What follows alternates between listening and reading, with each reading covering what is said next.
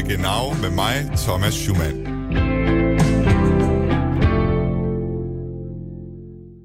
An alle Letztwählerinnen und Letztwähler an den deutschen Rundfunkempfangsgeräten. Deutschland. Wählen Sie die Partei Europa wieder positiv besetzen, damit Deutschland nicht erneut verliert. Ausfahrt. Ich kam vom Ping-Pong-Keller und habe mich in der Zimmernummer geirrt. Das Hotel ist etwas unübersichtlich. Aber jetzt wissen Sie, dass Sie in einer Fremdwanne sitzen und bahnen trotzdem Gleis weiter. 2. Einfahrt. ICE 16. Genau. Schönen guten Tag og velkommen til Genau med mig, Thomas Schumann. I dagens udsendelse skal vi vidt omkring. Vi starter ude på trapperne foran det tyske parlament, Forbundsdagen. Eine grölende Menge auf den Treppen des Reichstags. Die Demonstranten schwenken Fahnen des Kaiserreiches. Nur drei Polizisten verteidigen die letzten Meter bis in das Bundestagsgebäude. Gefilmt und veröffentlicht wurden diese... For lørdag var der ballade i Berlin. Tusindvis af demonstranter var mødt op i den tyske hovedstad for at demonstrere mod den tyske coronapolitik. Det var en øh, brode flok af alternative healer og vaccinekritikere på den ene side, og kortklippede højre radikale på den anden side. En gruppe af demonstranterne overraskede politiet og indtog kortvarigt trapperne foran forbundsdagen, hvor de flagede med det sort-røde-hvide flag, altså det sort-røde-hvide rigsflag, en måde at demonstrere, at de ikke anerkender den nuværende tyske stats legitimitet med sine sort-rød-gyldne farver. Det har vagt opsigt øh, og forarvelse blandt politikere i Tyskland at se billeder med det flag på trapperne foran rigsdagsbygningen. Forrige uge var jeg i Berlin, og der mødte jeg faktisk en af de demonstranter, som i et godt stykke tid har holdt til ude foran forbundsdagen for at demonstrere mod coronatiltagene. Og han fortalte mig altså, at det her flag, det viser, at Tyskland ikke længere ligger, øh, hvad skal man sige, skal, ligger under Versailles-traktaten. Ja, also die Reichsflagge ist vor allen Dingen da, um deutlich zu machen, dass eben der Versailler Vertrag erfüllt ist.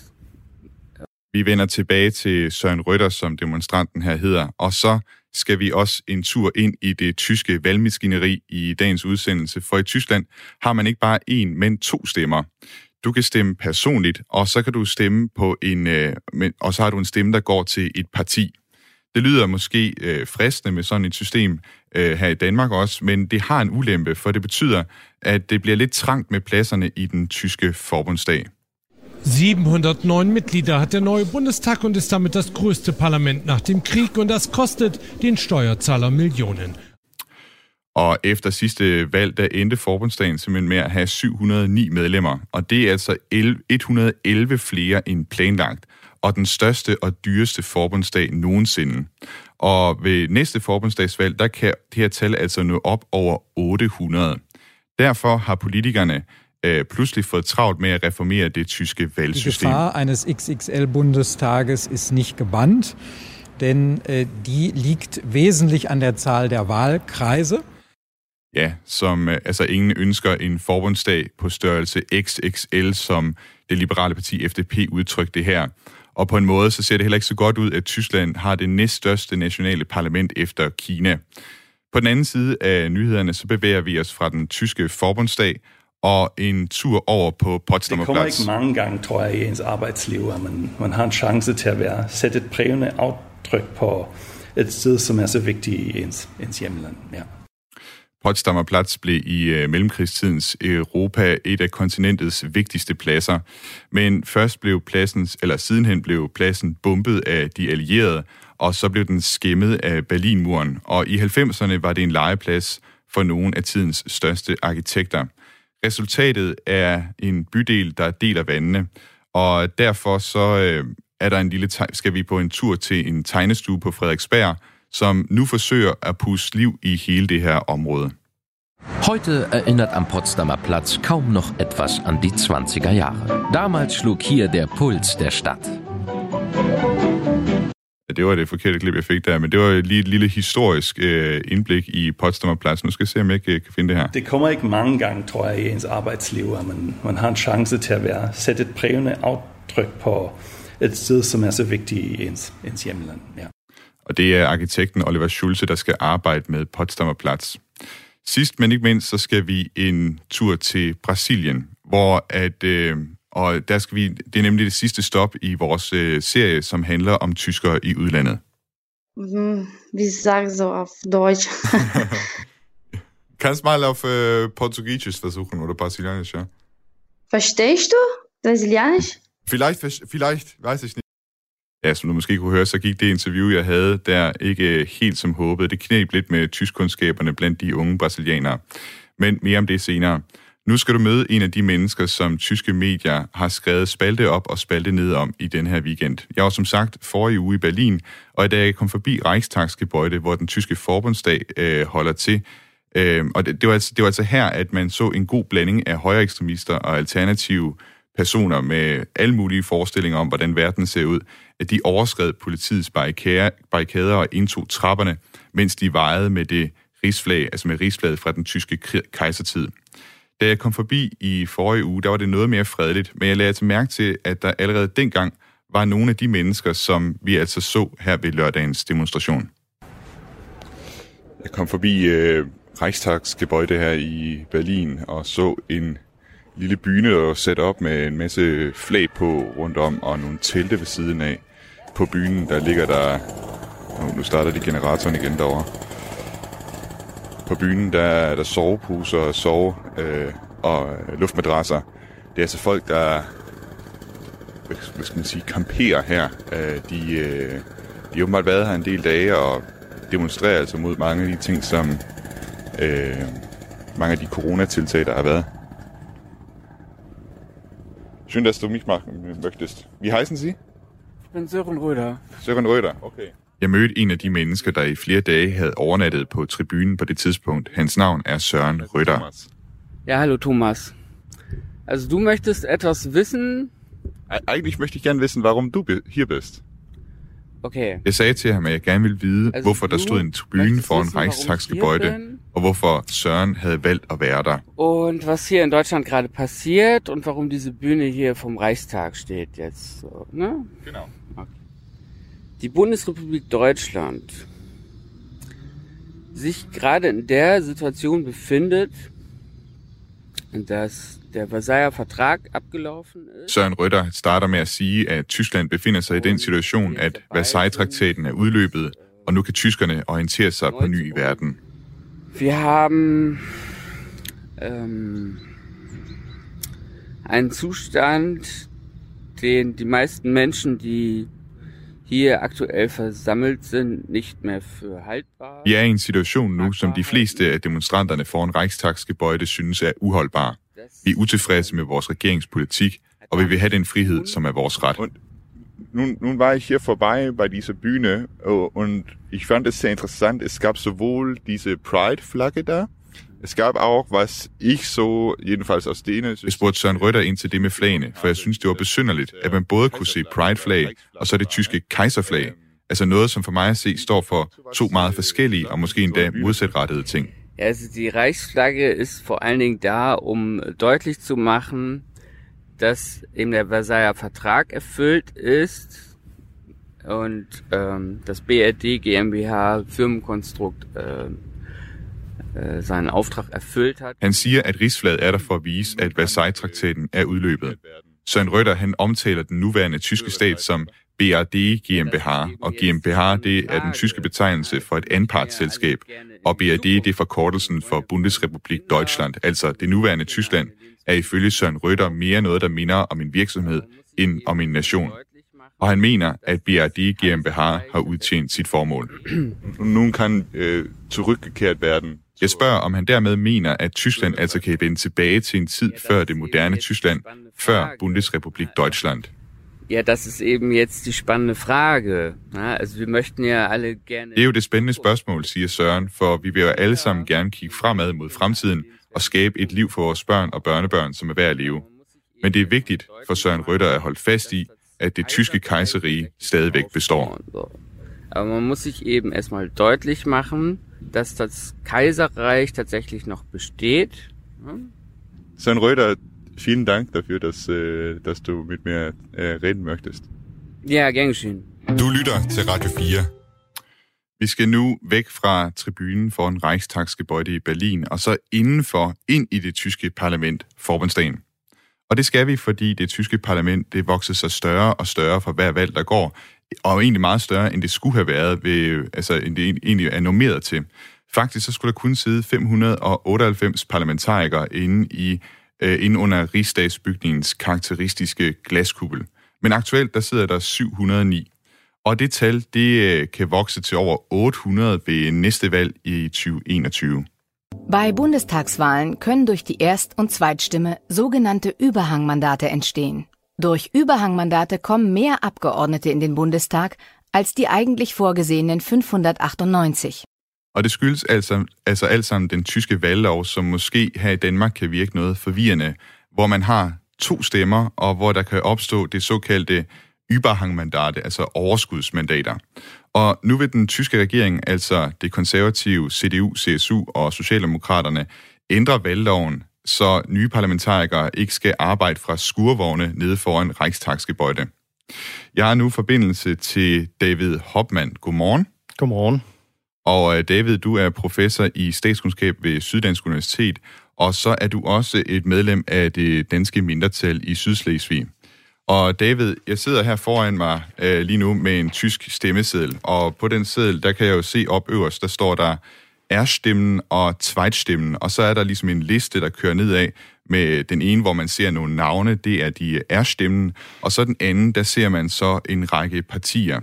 Og jeg tænkte på, David, nu hører vi, at øh, det tyske forbundsdag, den har det med at vokse over de sidste par valg, og den er, der sidder mange flere nu, end der egentlig skulle gøre. Hvordan er det, man med den her stemmeseddel ligesom kan ende med, at der ryger flere parlamentarikere ind i forbundsdagen, end der egentlig skulle være? I og for sig er systemet jo ret enkelt. Man har to stemmer, og så kan man med den, øh, den såkaldte første stemme øh, være med til at bestemme, hvilken person, der skal repræsentere den valgkreds, man selv bor i. Og så har man den anden stemme, som er den afgørende stemme for den samlede sammensætning af forbundsdagen. Og der stemmer man så på et parti. Og det er jo, i og for sig lyder det jo meget enkelt, og man, man har den mulighed at stemme både på en person øh, og et parti, og dermed adskiller det sig jo også fra det danske system, hvor man i princippet skal vælge, om man vil stemme på et, på et parti eller en person.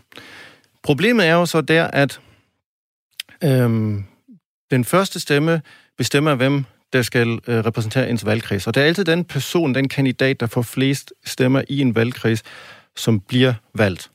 Det er sådan lidt ligesom det, altså det, er ligesom det her first past the post, ikke? Altså der er kun en, der får et mandat på den der øh, R-stemme, altså på det direkte, direkte mandat. Lige præcis. Ja. Øhm, og det er, også, det er jo faktisk også sådan, at hvert parti kun må have en kandidat i en øh, valgkreds.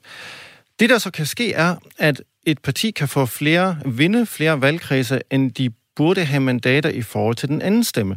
Og den anden stemme, partistemme, skal være den, der er afgørende for sammensætning af parlamentet. Okay, jeg skal, prøv lige at opsummere her, bare lige for, at være, for, for folk, de, de, de kan følge med. Altså, så hvis et parti vinder øh, i en, lad os sige, en, for, øh, en delstat som Slesvig-Holsten for eksempel, de, de vinder rigtig mange af, hvad hedder det, hvis det nu er CDU, der vinder de fleste af valgkredsene der, altså så, så får de i forhold til de stemmer, der er givet med Zweitstimmen, altså dem, der er givet på partierne, så får, de, øh, så får de en overrepræsentation af de mandater. Det er ikke noget, der afspejler øh, folkets vilje på den måde. Præcis, men vi kan, vi kan, vi kan jo netop tage CDU i Slesvig-Holstein som et konkret eksempel. I 2013 vandt de 9 ud af 11 valgkredser, og i alt skulle Slesvig-Holstein have 22 repræsentanter. Og de fik 40 procent af indstemmer. 9 ud af 22 mandater svarer netop til cirka 40 procent. Så der passede pengene, så at sige. De vandt cirka så mange valgkredse, som de også samlet skulle have mandater. Det, der så sker i 2017 ved det efterfølgende valg, er, at de vinder 10 ud af 11, samtidig med, at de går tilbage på andenstemmerne. Og så får de pludselig flere mandater, øh, eller flere enkeltmandskriser, end de skulle have haft mandater i forhold til andenstemme. Og det er det, man kalder überhangmandater, mm. altså mandater for meget. Og det er der skævvridning opstår. Og det er der, man så i det tyske valgsystem går ind og prøver at udligne, så når CDU har fået, altså vundet de her direkte mandater, jamen så går man ind, og så fordeler man også mandater ud til alle de andre partier, eller i hvert fald de partier, som ikke er blevet repræsenteret lige så godt. Er det ikke rigtigt forstået? Det gør man i dag faktisk, fordi ja. historisk set øh, gjorde man det ikke, men så gik forbundsforfatningsdomstolen ind og sagde, øh, prøv lige at høre, den går ikke. Fordi det, det, giver, det skaber en skævvridning i systemet. Det er ikke intentionen. Systemet skal være relativt, og det skal være anden stemme, der afgør, øh, hvor store partierne er i forbundsdagen. Så kære politikere, I skal fikse det her system. Og det er den aktuelle diskussion, stammer tilbage fra denne dom fra 2008 fra Forbundsforfatningsdomstolen. Altså det er faktisk en forholdsvis ny ting, at vi ser forbundsdagen vokse på denne måde. Det er en ny ting, at man udligner, som gør, at den vokser endnu mere, fordi right. overhængsmandaterne har jo forvejen øh, skabt vokseværk, og det er så blevet endnu større det problem. Det lyder, det lyder lidt kompliceret, vil jeg sige. Altså, hvor kompli- for sådan en, en, en, en statskundskaber som dig, hvor kompliceret vil du sige, at det, det er i forhold til, lad os sige, det danske, det danske valgsystem? Alle systemer har deres fordele og ulemper. Det danske system øhm, har også nogle øh, ting, som er mindre smukke. Generelt har begge de øh, systemer noget, noget, noget, noget smukhed, og man skal også lige huske på, hvor det tyske system kommer fra. Altså man ønsker jo netop, at en at halvdelen af forbundsdagsmedlemmerne har en meget konkret lokal forandring, og det hidrører jo fra øh, det, man øh, ikke ønskede skulle gentage sig i Weimar-republikken, nemlig at man ønskede en stærk kobling mellem vælgerne og politikerne. Og det, det er ligesom intentionen bag, bag det. Og så, og det, det er så det ene ønske på den ene side, man har. Samtidig ønsker man et system, som er proportionelt. Øhm, og, der, og det er jo svært at forene de der ting, og så kan der jo i teknikaliteterne, om man så kan sige, opstår de der skævvridninger. Mm. Og det er derfor, man har systemet med altså de direkte kandidater, øh, som skal være lokalt forankret, og så øh, den anden stemme, altså de her to stemmer, øh, og den anden stemme, som går på partiet. Øhm, og det er jo godt, du nævnte det her med den lokale forandring, og hvor det ligesom kommer fra, for jeg har faktisk talt med to tyske politikere om det her med de direkte mandater, og, øh, altså, som vi ikke rigtig kender i Danmark, og som altså skulle give den her lokale forankring, som, som du talte om. Den ene, det er Ansgar Heveling fra det konservative CDU, og han er altså valgt ind på et direkte mandat fra sin valgkreds i Krefeld i Nordrhein-Westfalen. Den anden, det er Friedrich Stretzmann fra det venstreorienterede Die Linke. Han blev valgt ind i forbundsdagen med Zweitstimmen, altså partistemmerne. Og lad os lige øh, høre her til at starte med, hvad Ansgar Heveling han fra CDU øh, har at sige til det her med at skabe lokal forandring. Ein äh, Abgeordneter, der direkt gewählt äh, worden ist, unterscheidet sich in seiner Tätigkeit im Parlament nicht äh, von jemandem, der über Liste Altså egentlig så mener han ikke, at parlamentarikerne de adskiller sig i, hvad de laver, hvis de er valgt ind øh, på den ene eller på den anden måde. Allerdings äh, ist der Vorteil des Systems mit den Direktwahlen, dass natürlich auch die Personalauswahl dezentral vor Ort erfolgt. Ich bin im Wahlkreis von meiner Partei aufgestellt. I midlertid så siger han, der er en fordel i, at de direkte kandidater de vælges lokalt. Det er ikke politikerne i Berlin, der afgør, hvem der skal være spidskandidat i valgkredsen, og det giver et bredere udvalg af politikere. Bei allen Behördenangelegenheiten werde ich von Bürgern kontaktiert, die irgendwelche äh, Wünsche haben oder wo irgendwie äh, es Probleme gibt mit, äh, mit Institutionen vor Ort. Så fortalte Ansgar Heveling mig også, at han bruger altså cirka halvdelen af sin tid ude i valgkredsen, og her der hjælper han borgerne med de udfordringer, de har med diverse myndigheder. Jeg stillede også Friedrich Stetsmann fra De Linke det samme spørgsmål, og han så noget mere skeptisk på, hvor stor betydning det her det har med den lokale forandring.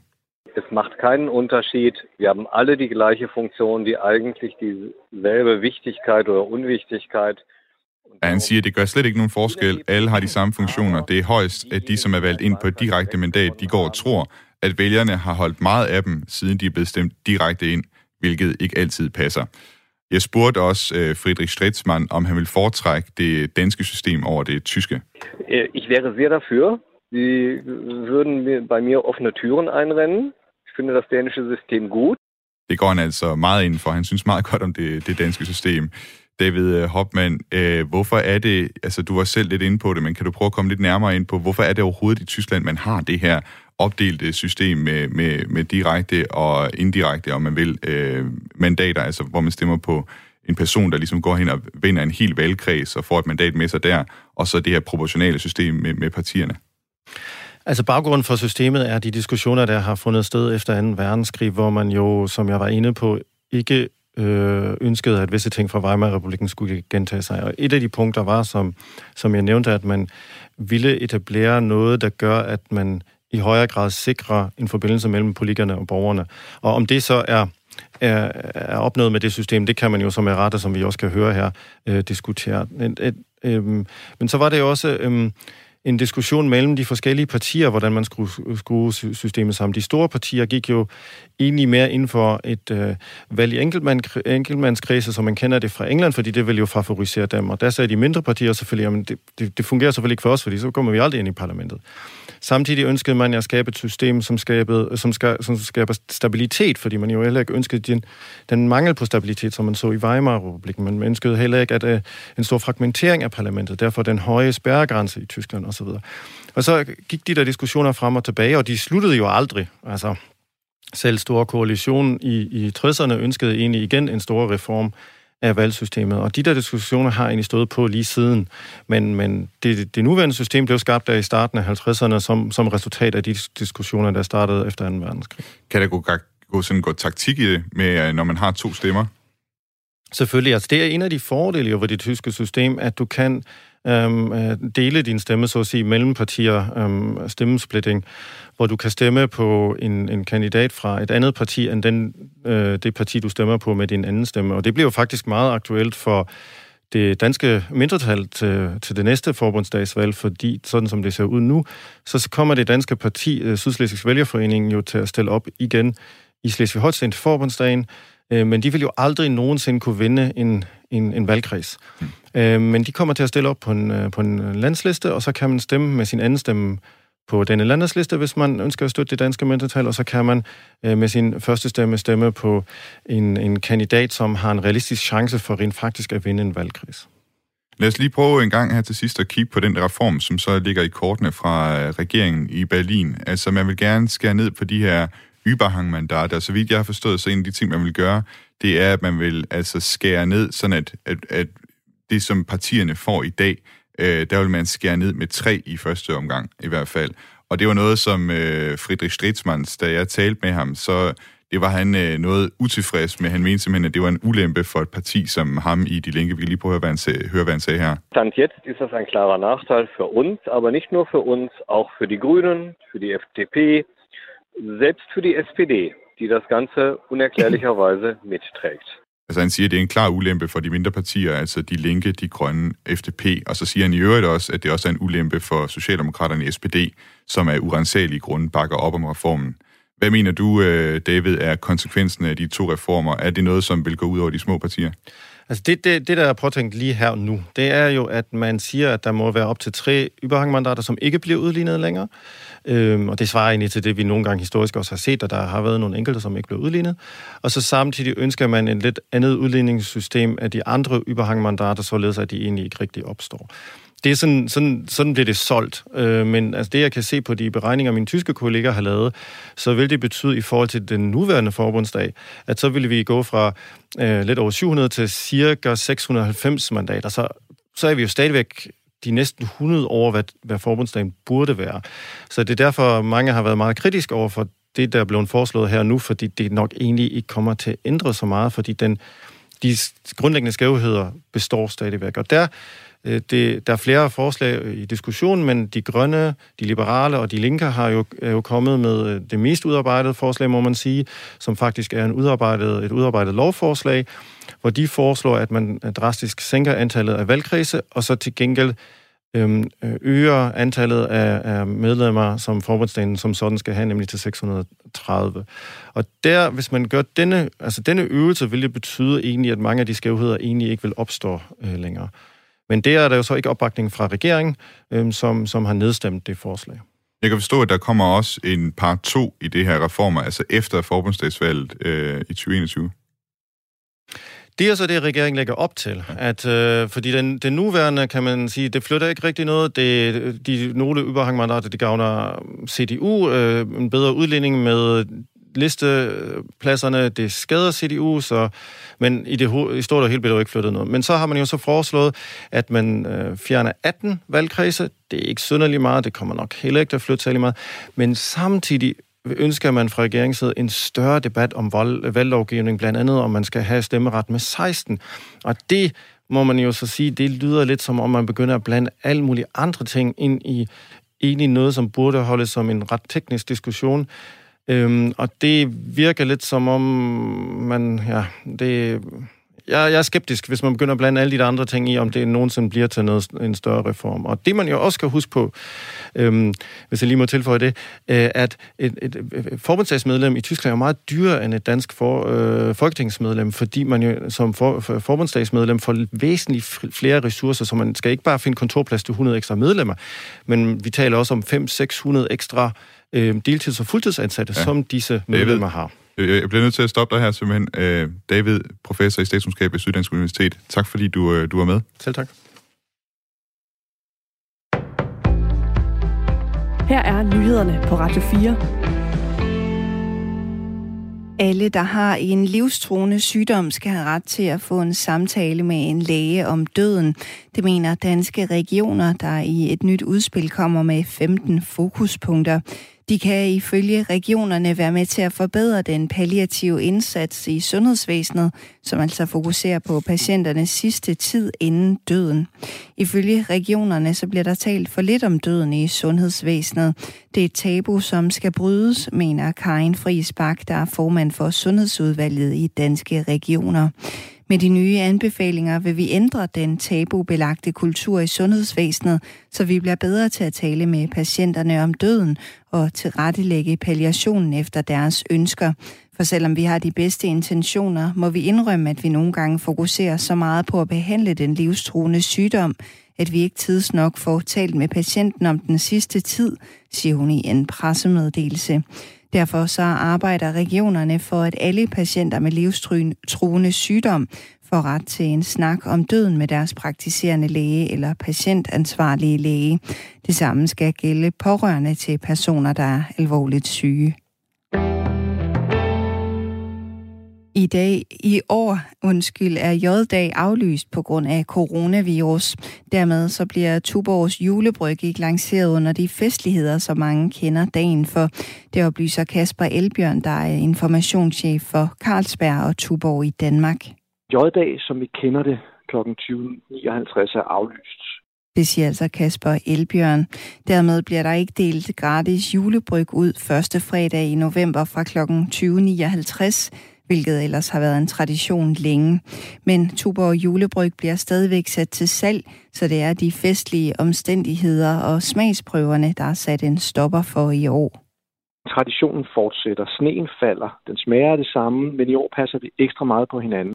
Så sneen falder, men snestormen kl. 20.59, hvor nisserne deler julebryg ud, det er aflyst. I år der handler det ikke om fest og øl kl. 20.59, men om at fejre julens komme sammen, ansvarligt og sikkert. Det siger informationschefen. Carlsberg ser ellers J-dag som en vigtig og traditionsrig dag, både for bryggerigiganten og for folk i Danmark. Vi føler, at øh, vi har pligt til at følge med tiden, og i år er tiden bare ikke til øh, en J-dag, som vi kender den siger Kasper Elbjørn. Han fortæller, at årets J-dag er et forsøg på at gøre dagen mere coronavenlig. Det sker blandt andet ved at have julebryggen på hanerne over hele landet hele dagen, så folk ikke stemler sammen kort før kl. 21. Og informationschefen håber, at der stadig er en del, der vil fejre julens komme med en julebryg. Men vi opfordrer til, at man gør det øh, lidt mere stille og roligt og øh, øh, mere ansvarligt og sikkert, øh, holder afstand og øh, lader være med at forsamles i større forsamlinger. I dag vil Mærsk annoncere afskedelser som del af en større reorganisering af selskabet. Det fremgår af en intern mail til shippingkoncernens medarbejdere ifølge nyhedsbureauet Reuters. Reorganiseringen vil nærmere bestemt ramme datterselskaberne Damco og Saftmarine, der ikke længere vil eksistere som selvstændige enheder. Ifølge Shipping Watch så har Mærsk i flere uger forberedt en ny organisering af forretningen. Det er ikke en konsekvens af coronakrisen, men er et udtryk for et ønske om strømligning og besparelser. I dag får vi tørt og solrigt vejr, men i de sydøstlige egne og på Bornholm skyet med enkelte byer. Temperatur mellem 16 og 21 grader. Og velkommen tilbage til Genau med mig, Thomas Schumann. Og vi fortsætter vores øh, tur ud i øh, Tyskland i dag. Vi skal som sagt vidt omkring, men vi bliver lige inden for Berlins grænser en tur. For hvis du står under Brandenburger Tor med Tiergarten i ryggen og, og med Unter den Linden foran dig, så kan du skimte Potsdamer Platz, hvis du kigger mod højre. Pladsen er en af Berlins ikoniske pladser, og så er det nummer 6 på Lonely Planets liste over seværdigheder i byen. Men pladsen har levet en omtumlet tilværelse. I 1920'erne der lød det sådan her.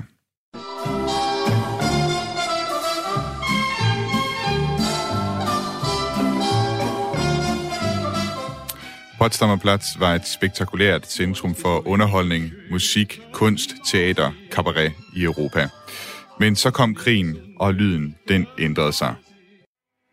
It was my pleasure to have led the first heavy American bombardment mission over Berlin.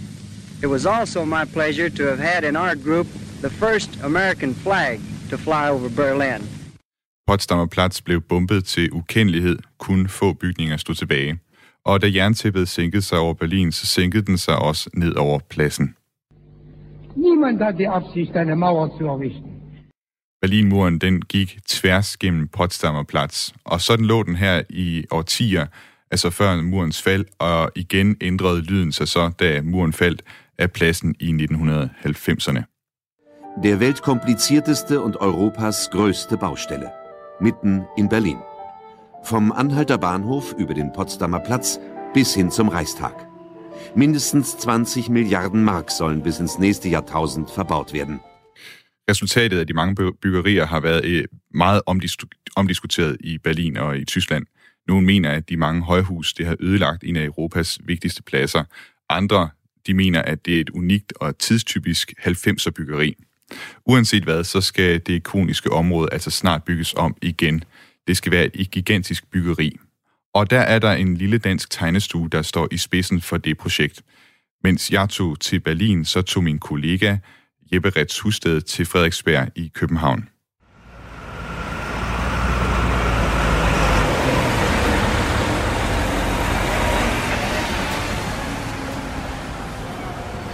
Jeg er ankommet til Potsdamer Platz i, øh, midt i Berlin, som mange danskere måske kender. Særligt for Sony Centeret, der har den her cirkusteltagtige øh, konstruktion i glas og stål øh, over sådan et område, hvor der er nogle caféer og sådan. Men ellers så, øh, så kan man sige, at Potsdamer Platz, den, øh, den har en vis historisk betydning, og når jeg står her i dag, så lægger man jo særlig mærke til trafikken. Øh, der er nogle store trafikerede veje, som, altså, som udgør Potsdamer Platz her, eller ligesom øh, danner rammen om Potsdamer Platz. Og på en eller anden måde, så er det som om, at selvom Berlin har været mange ting igennem i historien, så er der i hvert fald den ting, som ikke har forandret sig. Tilbage i 1930, der var Potsdamer Platz faktisk den øh, mest trafikerede plads i Europa. Det, der siden skete med Potsdamer Platz, det var selvfølgelig 2. verdenskrig. Alting blev ødelagt, og så endte Potsdamer Platz med at være et sted, hvor at Berlinmuren gik tværs igennem. Jeg står faktisk lige nu på, hvor Berlinmuren gik, så det er kun i små 30 år, at øh, Potsdamer Platz altså har haft mulighed for at udvikle sig. Man kan godt se det på arkitekturen her omkring. Det er forholdsvis nye bygninger. Det ligner mest af alt kontorbygninger, måske fra USA, der ligesom er skudt op her øh, i, øh, i landskabet. Øh, bygninger af glas og, og stål og, øh, og, og beton, der, der er her. Og det er jo, det er jo så også betydet, at øh, sådan et naturligt leben, om man vil, har haft svært ved at opstå her på øh, Potsdamer Platz. Men det er der faktisk nogen, som forsøger at lave om på. Nu skal vi med min kollega Jeppe Rets Husted en øh, tur ud til Frederiksberg i København. Og jeg befinder mig her på Niels Ebbesens vej. Og jeg er på vej hen mod nummer 11, hvor der ligger en tegnestue, der hedder Schulze og Grashoff. Og det her, hvor Oliver øh, har til huse, det er ham, som er med til at tegne, sådan som det kommer til at se ud nede på Potsdamer Plads.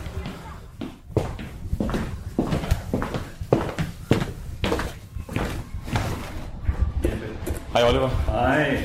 Jeg kom lige lidt tidligere på det. Det er helt i orden. Det er okay. Helt i orden, ja, ja. ja. Oliver Schulze er en venlig herre, velklædt i sommervarmen og snaksalig. Og da vi først står foran et luftfotografi af Potsdamer Platz, hængt op med knaldende lyserød tape, så kan man mærke hans engagement. Ombygningen af pladsen handler ikke kun om smør på brødet. Det er lidt grotesk. Hele det her blev bygget øh, for 25 år siden, og vi skal nu derhen, fordi det ikke hænger sammen. Så byrum, som blev tegnet og bygget for 25 år siden, kigger vi på i dag og siger, at det svarer ikke til vores idealer mere. Der er nogle problemer med barrierefrihed, hvis du sidder i en, i en kørestol, kan det komme rundt omkring. Det her skulle være en af Europas metropoler, en, ja, en distrikt, hvor der er puls og byliv, men der er biler kører rundt, bilparkering, så, så det svarer ikke til den måde, hvordan vi ved, man udvikler en god byrum i dag, eller flere gode byrum, fordi vi taler ikke. Det er en af de første udfordringer. Potsdamer Platz er ikke en plads. Potsdamer Platz er en brand, og den fagner øh, 17 bygninger, 10 gader og to pladser. Potsdamer Platz og Marlene Dietrich Platz. Så vi taler om en af Europas største byrumsnetværk, som her skal blive ombygget komplet. Oliver, du taler jo nærmest perfekt dansk, men der er en lille smule accent stadigvæk. Uh, man kan høre, at du ikke, øh, du ikke kommer fra Danmark, du er ikke født og opvokset i Danmark. Hvordan kan det være, at du stadigvæk har en, en lille rest af accent? Jeg voksede op i Tyskland, og så flyttede jeg til England til at studere arkitektur. Og mine kolleger de sagde, at du kan tage en tysker ud Tyskland, men du kan ikke tage Tyskland ud af en tysker. Det er måske meget rammende. Og jeg har lyst til at spørge dig, altså, du har jo så fået lov til at sætte et præg på en af de mere markante øh, steder i, øh, i Berlin. Hvad er dit eget forhold til, øh, til Berlin? Jamen, min familie, min, min farmor, hun er fra Berlin, så hun voksede op i Grunewald. Hun gik på den jødiske skole i, for piger i, i Grunewald. Uh, men hun, hun flyttede så lige, da russerne ankom efter 2. verdenskrig, eller slutningen af 2. verdenskrig, uh, så flyttede hun til Ostwestfalen. Men Berlin var meget afgørende også for mig, fordi uh, jeg var 18 år, da hun faldt. 1989 blev jeg 18. Og der lå jeg mærke til, okay, ved du hvad, en by er faktisk noget, man kan udvikle. Det kan forandres, um, og kan man, man kan arbejde med det. Og det var der, mit interesse for arkitektur blev vækket. Og som arkitekt at få lov til at sætte sit præg på øh, en af Europas store byer, som Berlin jo er. Hvad, hvad betyder det? Det kommer ikke, ikke meget bedre. Vi, vi er en tegnestue, vi går meget op i, at vi elsker at arbejde med mennesker, med bysamfund, um, og det bliver ikke meget bedre end det her.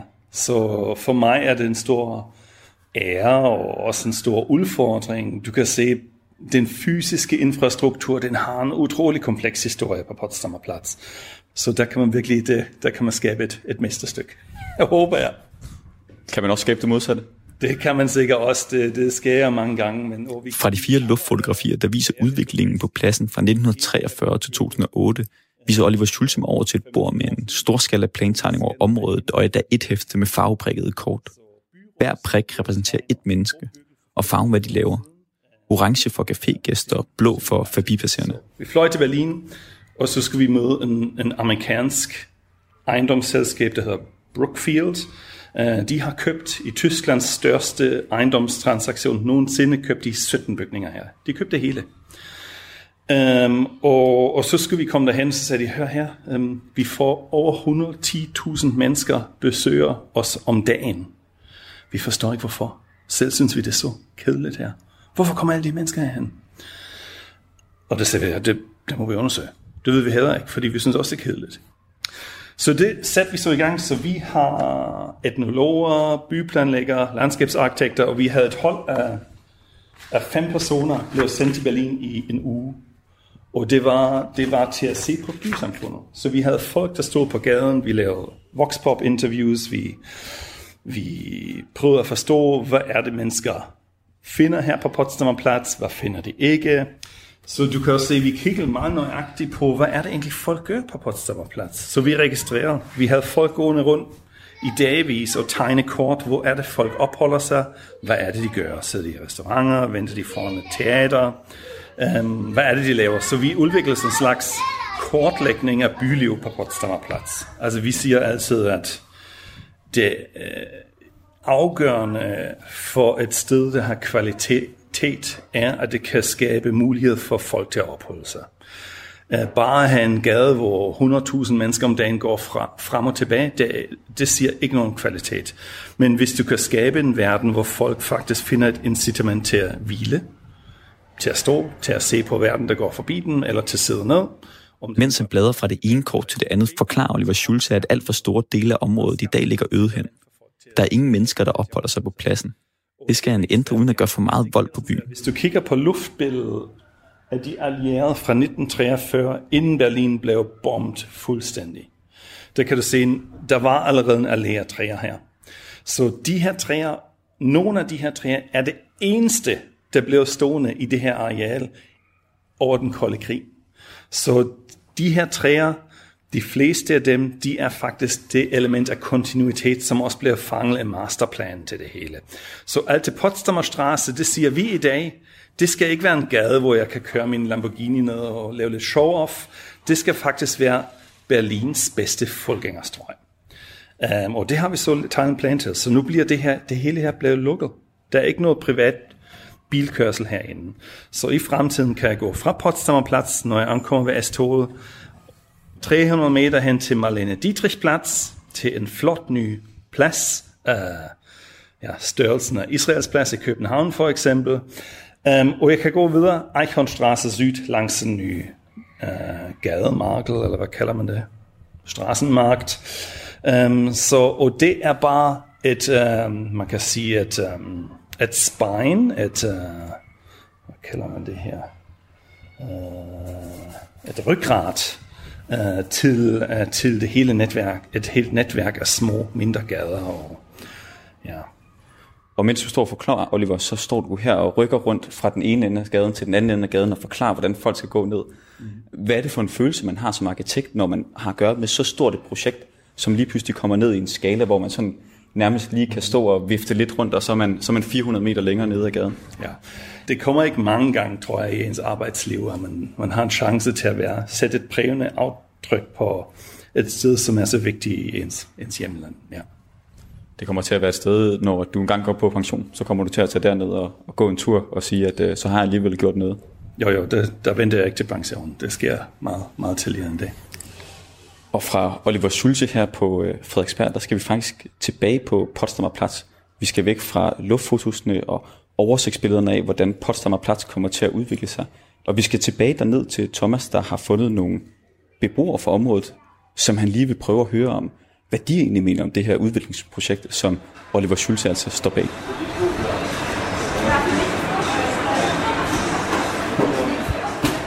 Efter at have talt med både et bayersk ægtepar, en ældre dame fra udenbys og en voldsomt travl forretningsmand, der alle er vældig tilfredse med området, ender jeg lidt slukøret på caféen Auf die Hand. Jeg vil gerne have haft fat i en rigtig berliner. Ja. Men til mit held så viser det sig, at tjeneren Stephanie er netop det. Godt nok bor hun i det nordlige Berlin, i Pankow, er kommet på Potsdamer Platz i årvis. Gesagt, es wird alles umgebaut, viele äh, Bürogebäude sind halt leer und es wird bestimmt wieder mehr Leben geben, aber dadurch... Lige nu bliver der bygget om ved arkaden, og mange kontorbygninger står tomme, så når det er færdigt, vil der komme mere liv. Men lige nu er det alt sammen lidt dødt. Die äh, Menschen, die hier wohnen, das sind unsere Stammkunden, die hier täglich ein- und ausgehen oder die, die ins Büro zum Arbeiten gehen. Vores stamkunder er dem, der bor her, eller dem, som arbejder i en af kontorbygningerne. Men ellers så vil jeg sige, at her er ret roligt. Also ich komme nur hierher, um hier zu arbeiten. Also für, für mich hat das vor vier, fünf Jahren äh, war es spannend für mich hier, als das Theater noch geöffnet war. Jeg kommer her selv kun for at arbejde, men for 4-5 år siden, der synes jeg, at det var mere spændende, dengang teatret endnu var åbent. Lige nu er det ikke særlig attraktivt. Der er flere, som tager til Leipziger Platz og indkøbscentret der, og jeg håber, at når byggeriet er færdigt om 2-3 år, at det så bliver mere attraktivt her. Ich glaube, dass das Umbauen mehr Leben auch hier bringen wird. Ich denke schon, weil der Arkaden ist ja laut meines Wissens äh, über 20 Jahre alt gewesen. Jeg spørger Stephanie, om hun simpelthen tror, at det vil skabe mere liv, når byggeriet står færdigt. Og der siger hun, at arkaden altså var 20 år gammel, og egentlig var turistmagneten. Men de, som kendte området, de kom kun for at købe ind. Der var ikke særlig mange, der blev for at hænge ud. Genau, ja. Danke dafür. Ja, bitte. Der var altså lidt delte meninger her på Alte Potsdamer Straße om, hvorvidt gaden har nok liv eller ej. Og øh, jeg kan sige, at øh, planen om at skulle lave det om bliver præsenteret senere på året. Øh, det skulle have været præsenteret tidligere, men på grund af corona, så blev det udskudt. Du lytter til Genau med mig, Thomas Schumann. Ja, og der hører vi altså om planerne for Potsdamer Platz i Berlin. Og jeg sagde til sidst i klippet her, at øh, senere på året, så vil planerne altså blive præsenteret for offentligheden. Og jeg kan sige, at vi har fået en opdatering fra Oliver Schulze, altså arkitekten, der står for projektet, og han siger, at de forventer at offentliggøre øh, projektet i september, og så at byggeriet det kan starte i 2021. Nu skal vi på vores sidste stop i dagens udsendelse af Genau.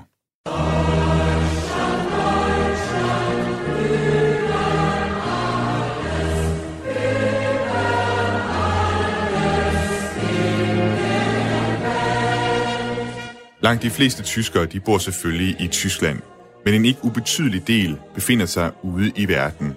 Igennem århundreder er tyskere udvandret til alle verdens kontinenter. Og det mest fascinerende er, at de mange steder stadigvæk klynger sig til det tyske. De klynger sig til sproget og til kulturen. De seneste uger har Genau sat fod i Afrika og i Asien, og nu skal vi til Sydamerika.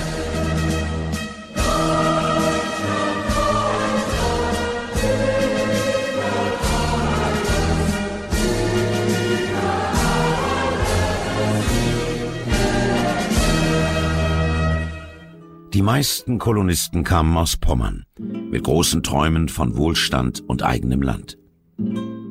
Vi skal nu til Brasilien og til en by mere end 10.000 kilometer fra Tyskland. Ich heiße Rafaela Thaisa Schneider und ich habe 23 Jahre. I den lille by Arabuta i det sydlige Brasilien får jeg fat i 22-årige Rafaela Schneider, der hører til landets tyske mindretal. Äh, Wir haben Arbeit mit äh, Landwirtschaft, äh, ah, Landwirtschaft. Ihr seid Bauer, oder? Ja, wir haben äh, Milch, äh, Kuh und äh, Hähnchen. Hendes familie er landmænd i området, og de har både malkekøer og høns. Hier in meiner Stadt äh, nicht so. Alle Leute sprechen Deutsch so. Alle Leute Aber- sprechen Deutsch? Ja, Okay. nicht alle, also mehr die Alte. Rafaela forklarer, at alle i byen taler tysk. I hvert fald de ældre, for selvom hun selv siger, så har de yngre generationer lidt sværere ved at, at tage det tyske til sig. Og det er jeg glad for, at hun starter med at sige. Immer nicht ja, ja. For jeg blev lidt overrasket over, efter at have ringet til både Kazakhstan og Afrika, at Rafaela ikke taler bedre tysk. Ordbogen benyttes flittigt under interviewet, både den fysiske og den online. Hun påstår ellers, at hendes tyskundervisning startede tidligt. Von klein äh, bis von Kinder. Meine Mutter und mein Vater hat immer, immer Deutsch gesprochen. Meine Hendes forældre har altid talt tysk med hinanden, og det samme gælder for hendes bedsteforældre. Til gengæld taler hun det ikke selv særlig meget. Ja, ich spreche wenig Deutsch, weil meine Freund ist, meine Freund ist äh, brasilianisch und er versteht äh, wenig, wenig, äh, gar- nichts Deutsch. Hendes kæreste taler ikke et ord tysk, og hendes forældre har altid talt portugisisk til hende. Rafaela er ganske enkelt den generation, hvor det tyske det er begyndt at klinge af. Og hun skal da også kravle ud på stamtræets yderste grene for at finde sit tyske ophav. Mein Urgroßvater,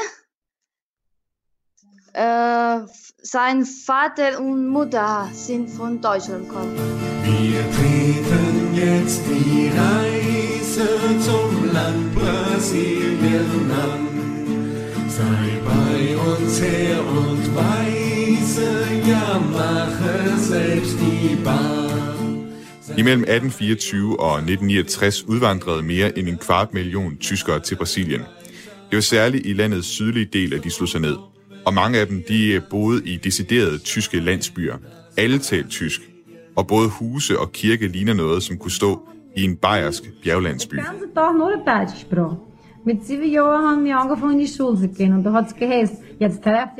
Mindretallet har endda bevaret en særlig plattysk dialekt, Rio Grandenser Hunsrückisch. Og det mest gængse estimat lyder, at 3 millioner brasilianere taler sproget. Umiddelbart tænkte jeg, at 3 millioner lød vældig højt. Men i den brasilianske folketælling i år 2000 påstod hele 12 millioner brasilianere, at de havde tysk afstamning. Det er altså 7 procent af befolkningen. Doch hier bei uns in Deutschland herrscht Not und Volksverrat. Und weil durch diesen Umstand beschreiten wir den Pfad. De fleste tyske emigranter kom oprindeligt til Brasilien i jagten på jord. De var landmænd, som Rafaelas familie. Og i hendes del af Brasilien, Santa Catarina, udgjorde de halvdelen af alle emigranter. De havde deres egne aviser og deres egne skoler, men den sidste tyske avis gik konkurs i 2012, og mange steder, som i Rafaelas by Arabuta, bliver tysk nu kategoriseret som et fremmedsprog i skolen, på linje med engelsk. In Schule wir haben äh, Deutsch für lernen Deutsch oder oder Englisch. Wir müssen eine oder andere äh, machen. Da jeg taler med Rafaela, er hun lige kommet hjem fra dansetræning. Ja, in Brasilien wir Tanze kommen von Deutschland hier, also eine Gruppe äh, Länder. Hun fortæller, at dansen, som hun øver, stammer fra Tyskland. Den danses i store grupper, og er mange af de unge i hendes landsby. Die Tanzen kommen alles au- von Deutschland. Jeg spørger hende, hvad dansen den hedder, men spørgsmål det får simpelthen interviewet til at gå i stå. Es, hm, wie sagen so auf Deutsch? Kannst mal auf äh, Portugiesisch versuchen oder Brasilianisch, ja? Verstehst du Brasilianisch? Vielleicht, vielleicht, weiß ich nicht, wenn, wenn, wenn du diese Tanzart nennst, dann kann es sein, dass ich das verstehe, weiß ich nicht. Vi bliver enige om, at hun skal forsøge sig på portugisisk. É, não dançamos pela forma de alemão. A gente dança Men det bliver jeg ikke meget klogere af. Så jeg spørger i stedet, hvor de danser henne. so Leute in einer so einer, einer großen Platz für die Leute tanzen. Mest udenfor, siger hun. På byens store plaza, og når der er fest i byen. Wir machen so ein Köpfest. Ist also wie ein Oktoberfest. Aber hier ist bisschen anders.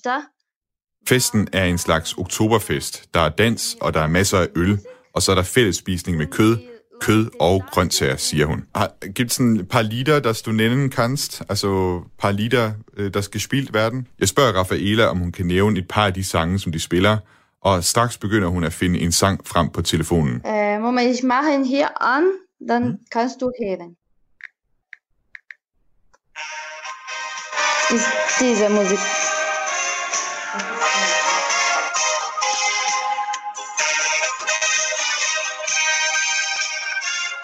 Mens vi sidder med den her telefonforbindelse 10.000 km fra hinanden og lytter til et stykke brasiliansk musik, så kan jeg ikke lade være med at tænke på, at Rafaela sådan har ødelagt min forestilling om, at der levede tyske mindretal i bedste velgående ude omkring i verden. Nix forstanden er hendes mest benyttede svar, og hun kan ikke rigtig sætte ord på, hvad det betyder for hende at være tysk. Der findes helt sikkert tysk-brasilianere på Rafaelas alder, der har et andet forhold til deres ophav. Men i virkeligheden er hun et godt eksempel på, at selv en år 100 år lang tradition kan klinge af. Når en generation pludselig ikke orker det tyske mere, uanset om det så skyldes dem selv eller deres forældre.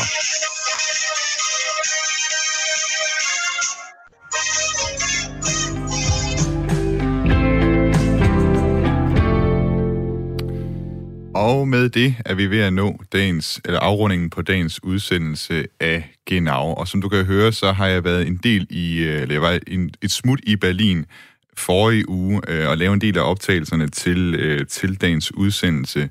Dog ikke øh, den sidste optagelse her fra, med interviewet med Rafaela fra, fra Brasilien. Men grunden til, at jeg tog derned, det var fordi, jeg skulle ned og møde nogle øh, mennesker, øh, som vi har interviewet øh, som en forberedelse til noget, vi kommer til at lave til oktober, når engang der er 30 års jubilæet for den tyske genforening. Det kommer til at være personer, som altså levede i den her tyske stat.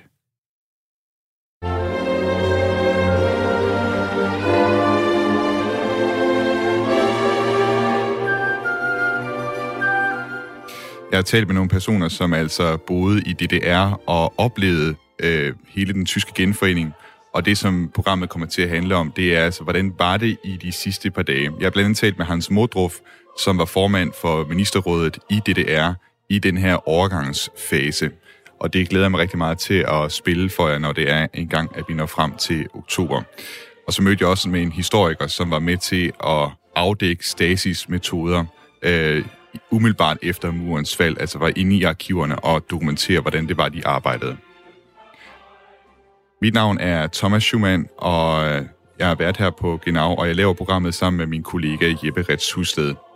Hvis du øh, kunne tænke dig at lytte til tidligere udsendelser af Genau, så kan du finde dem inde på Radio 4's hjemmeside, eller på Spotify, eller på Apples podcast player. Har du ris, ros, kommentar eller spørgsmål, så kan du sende dem ind på genau radio4.dk.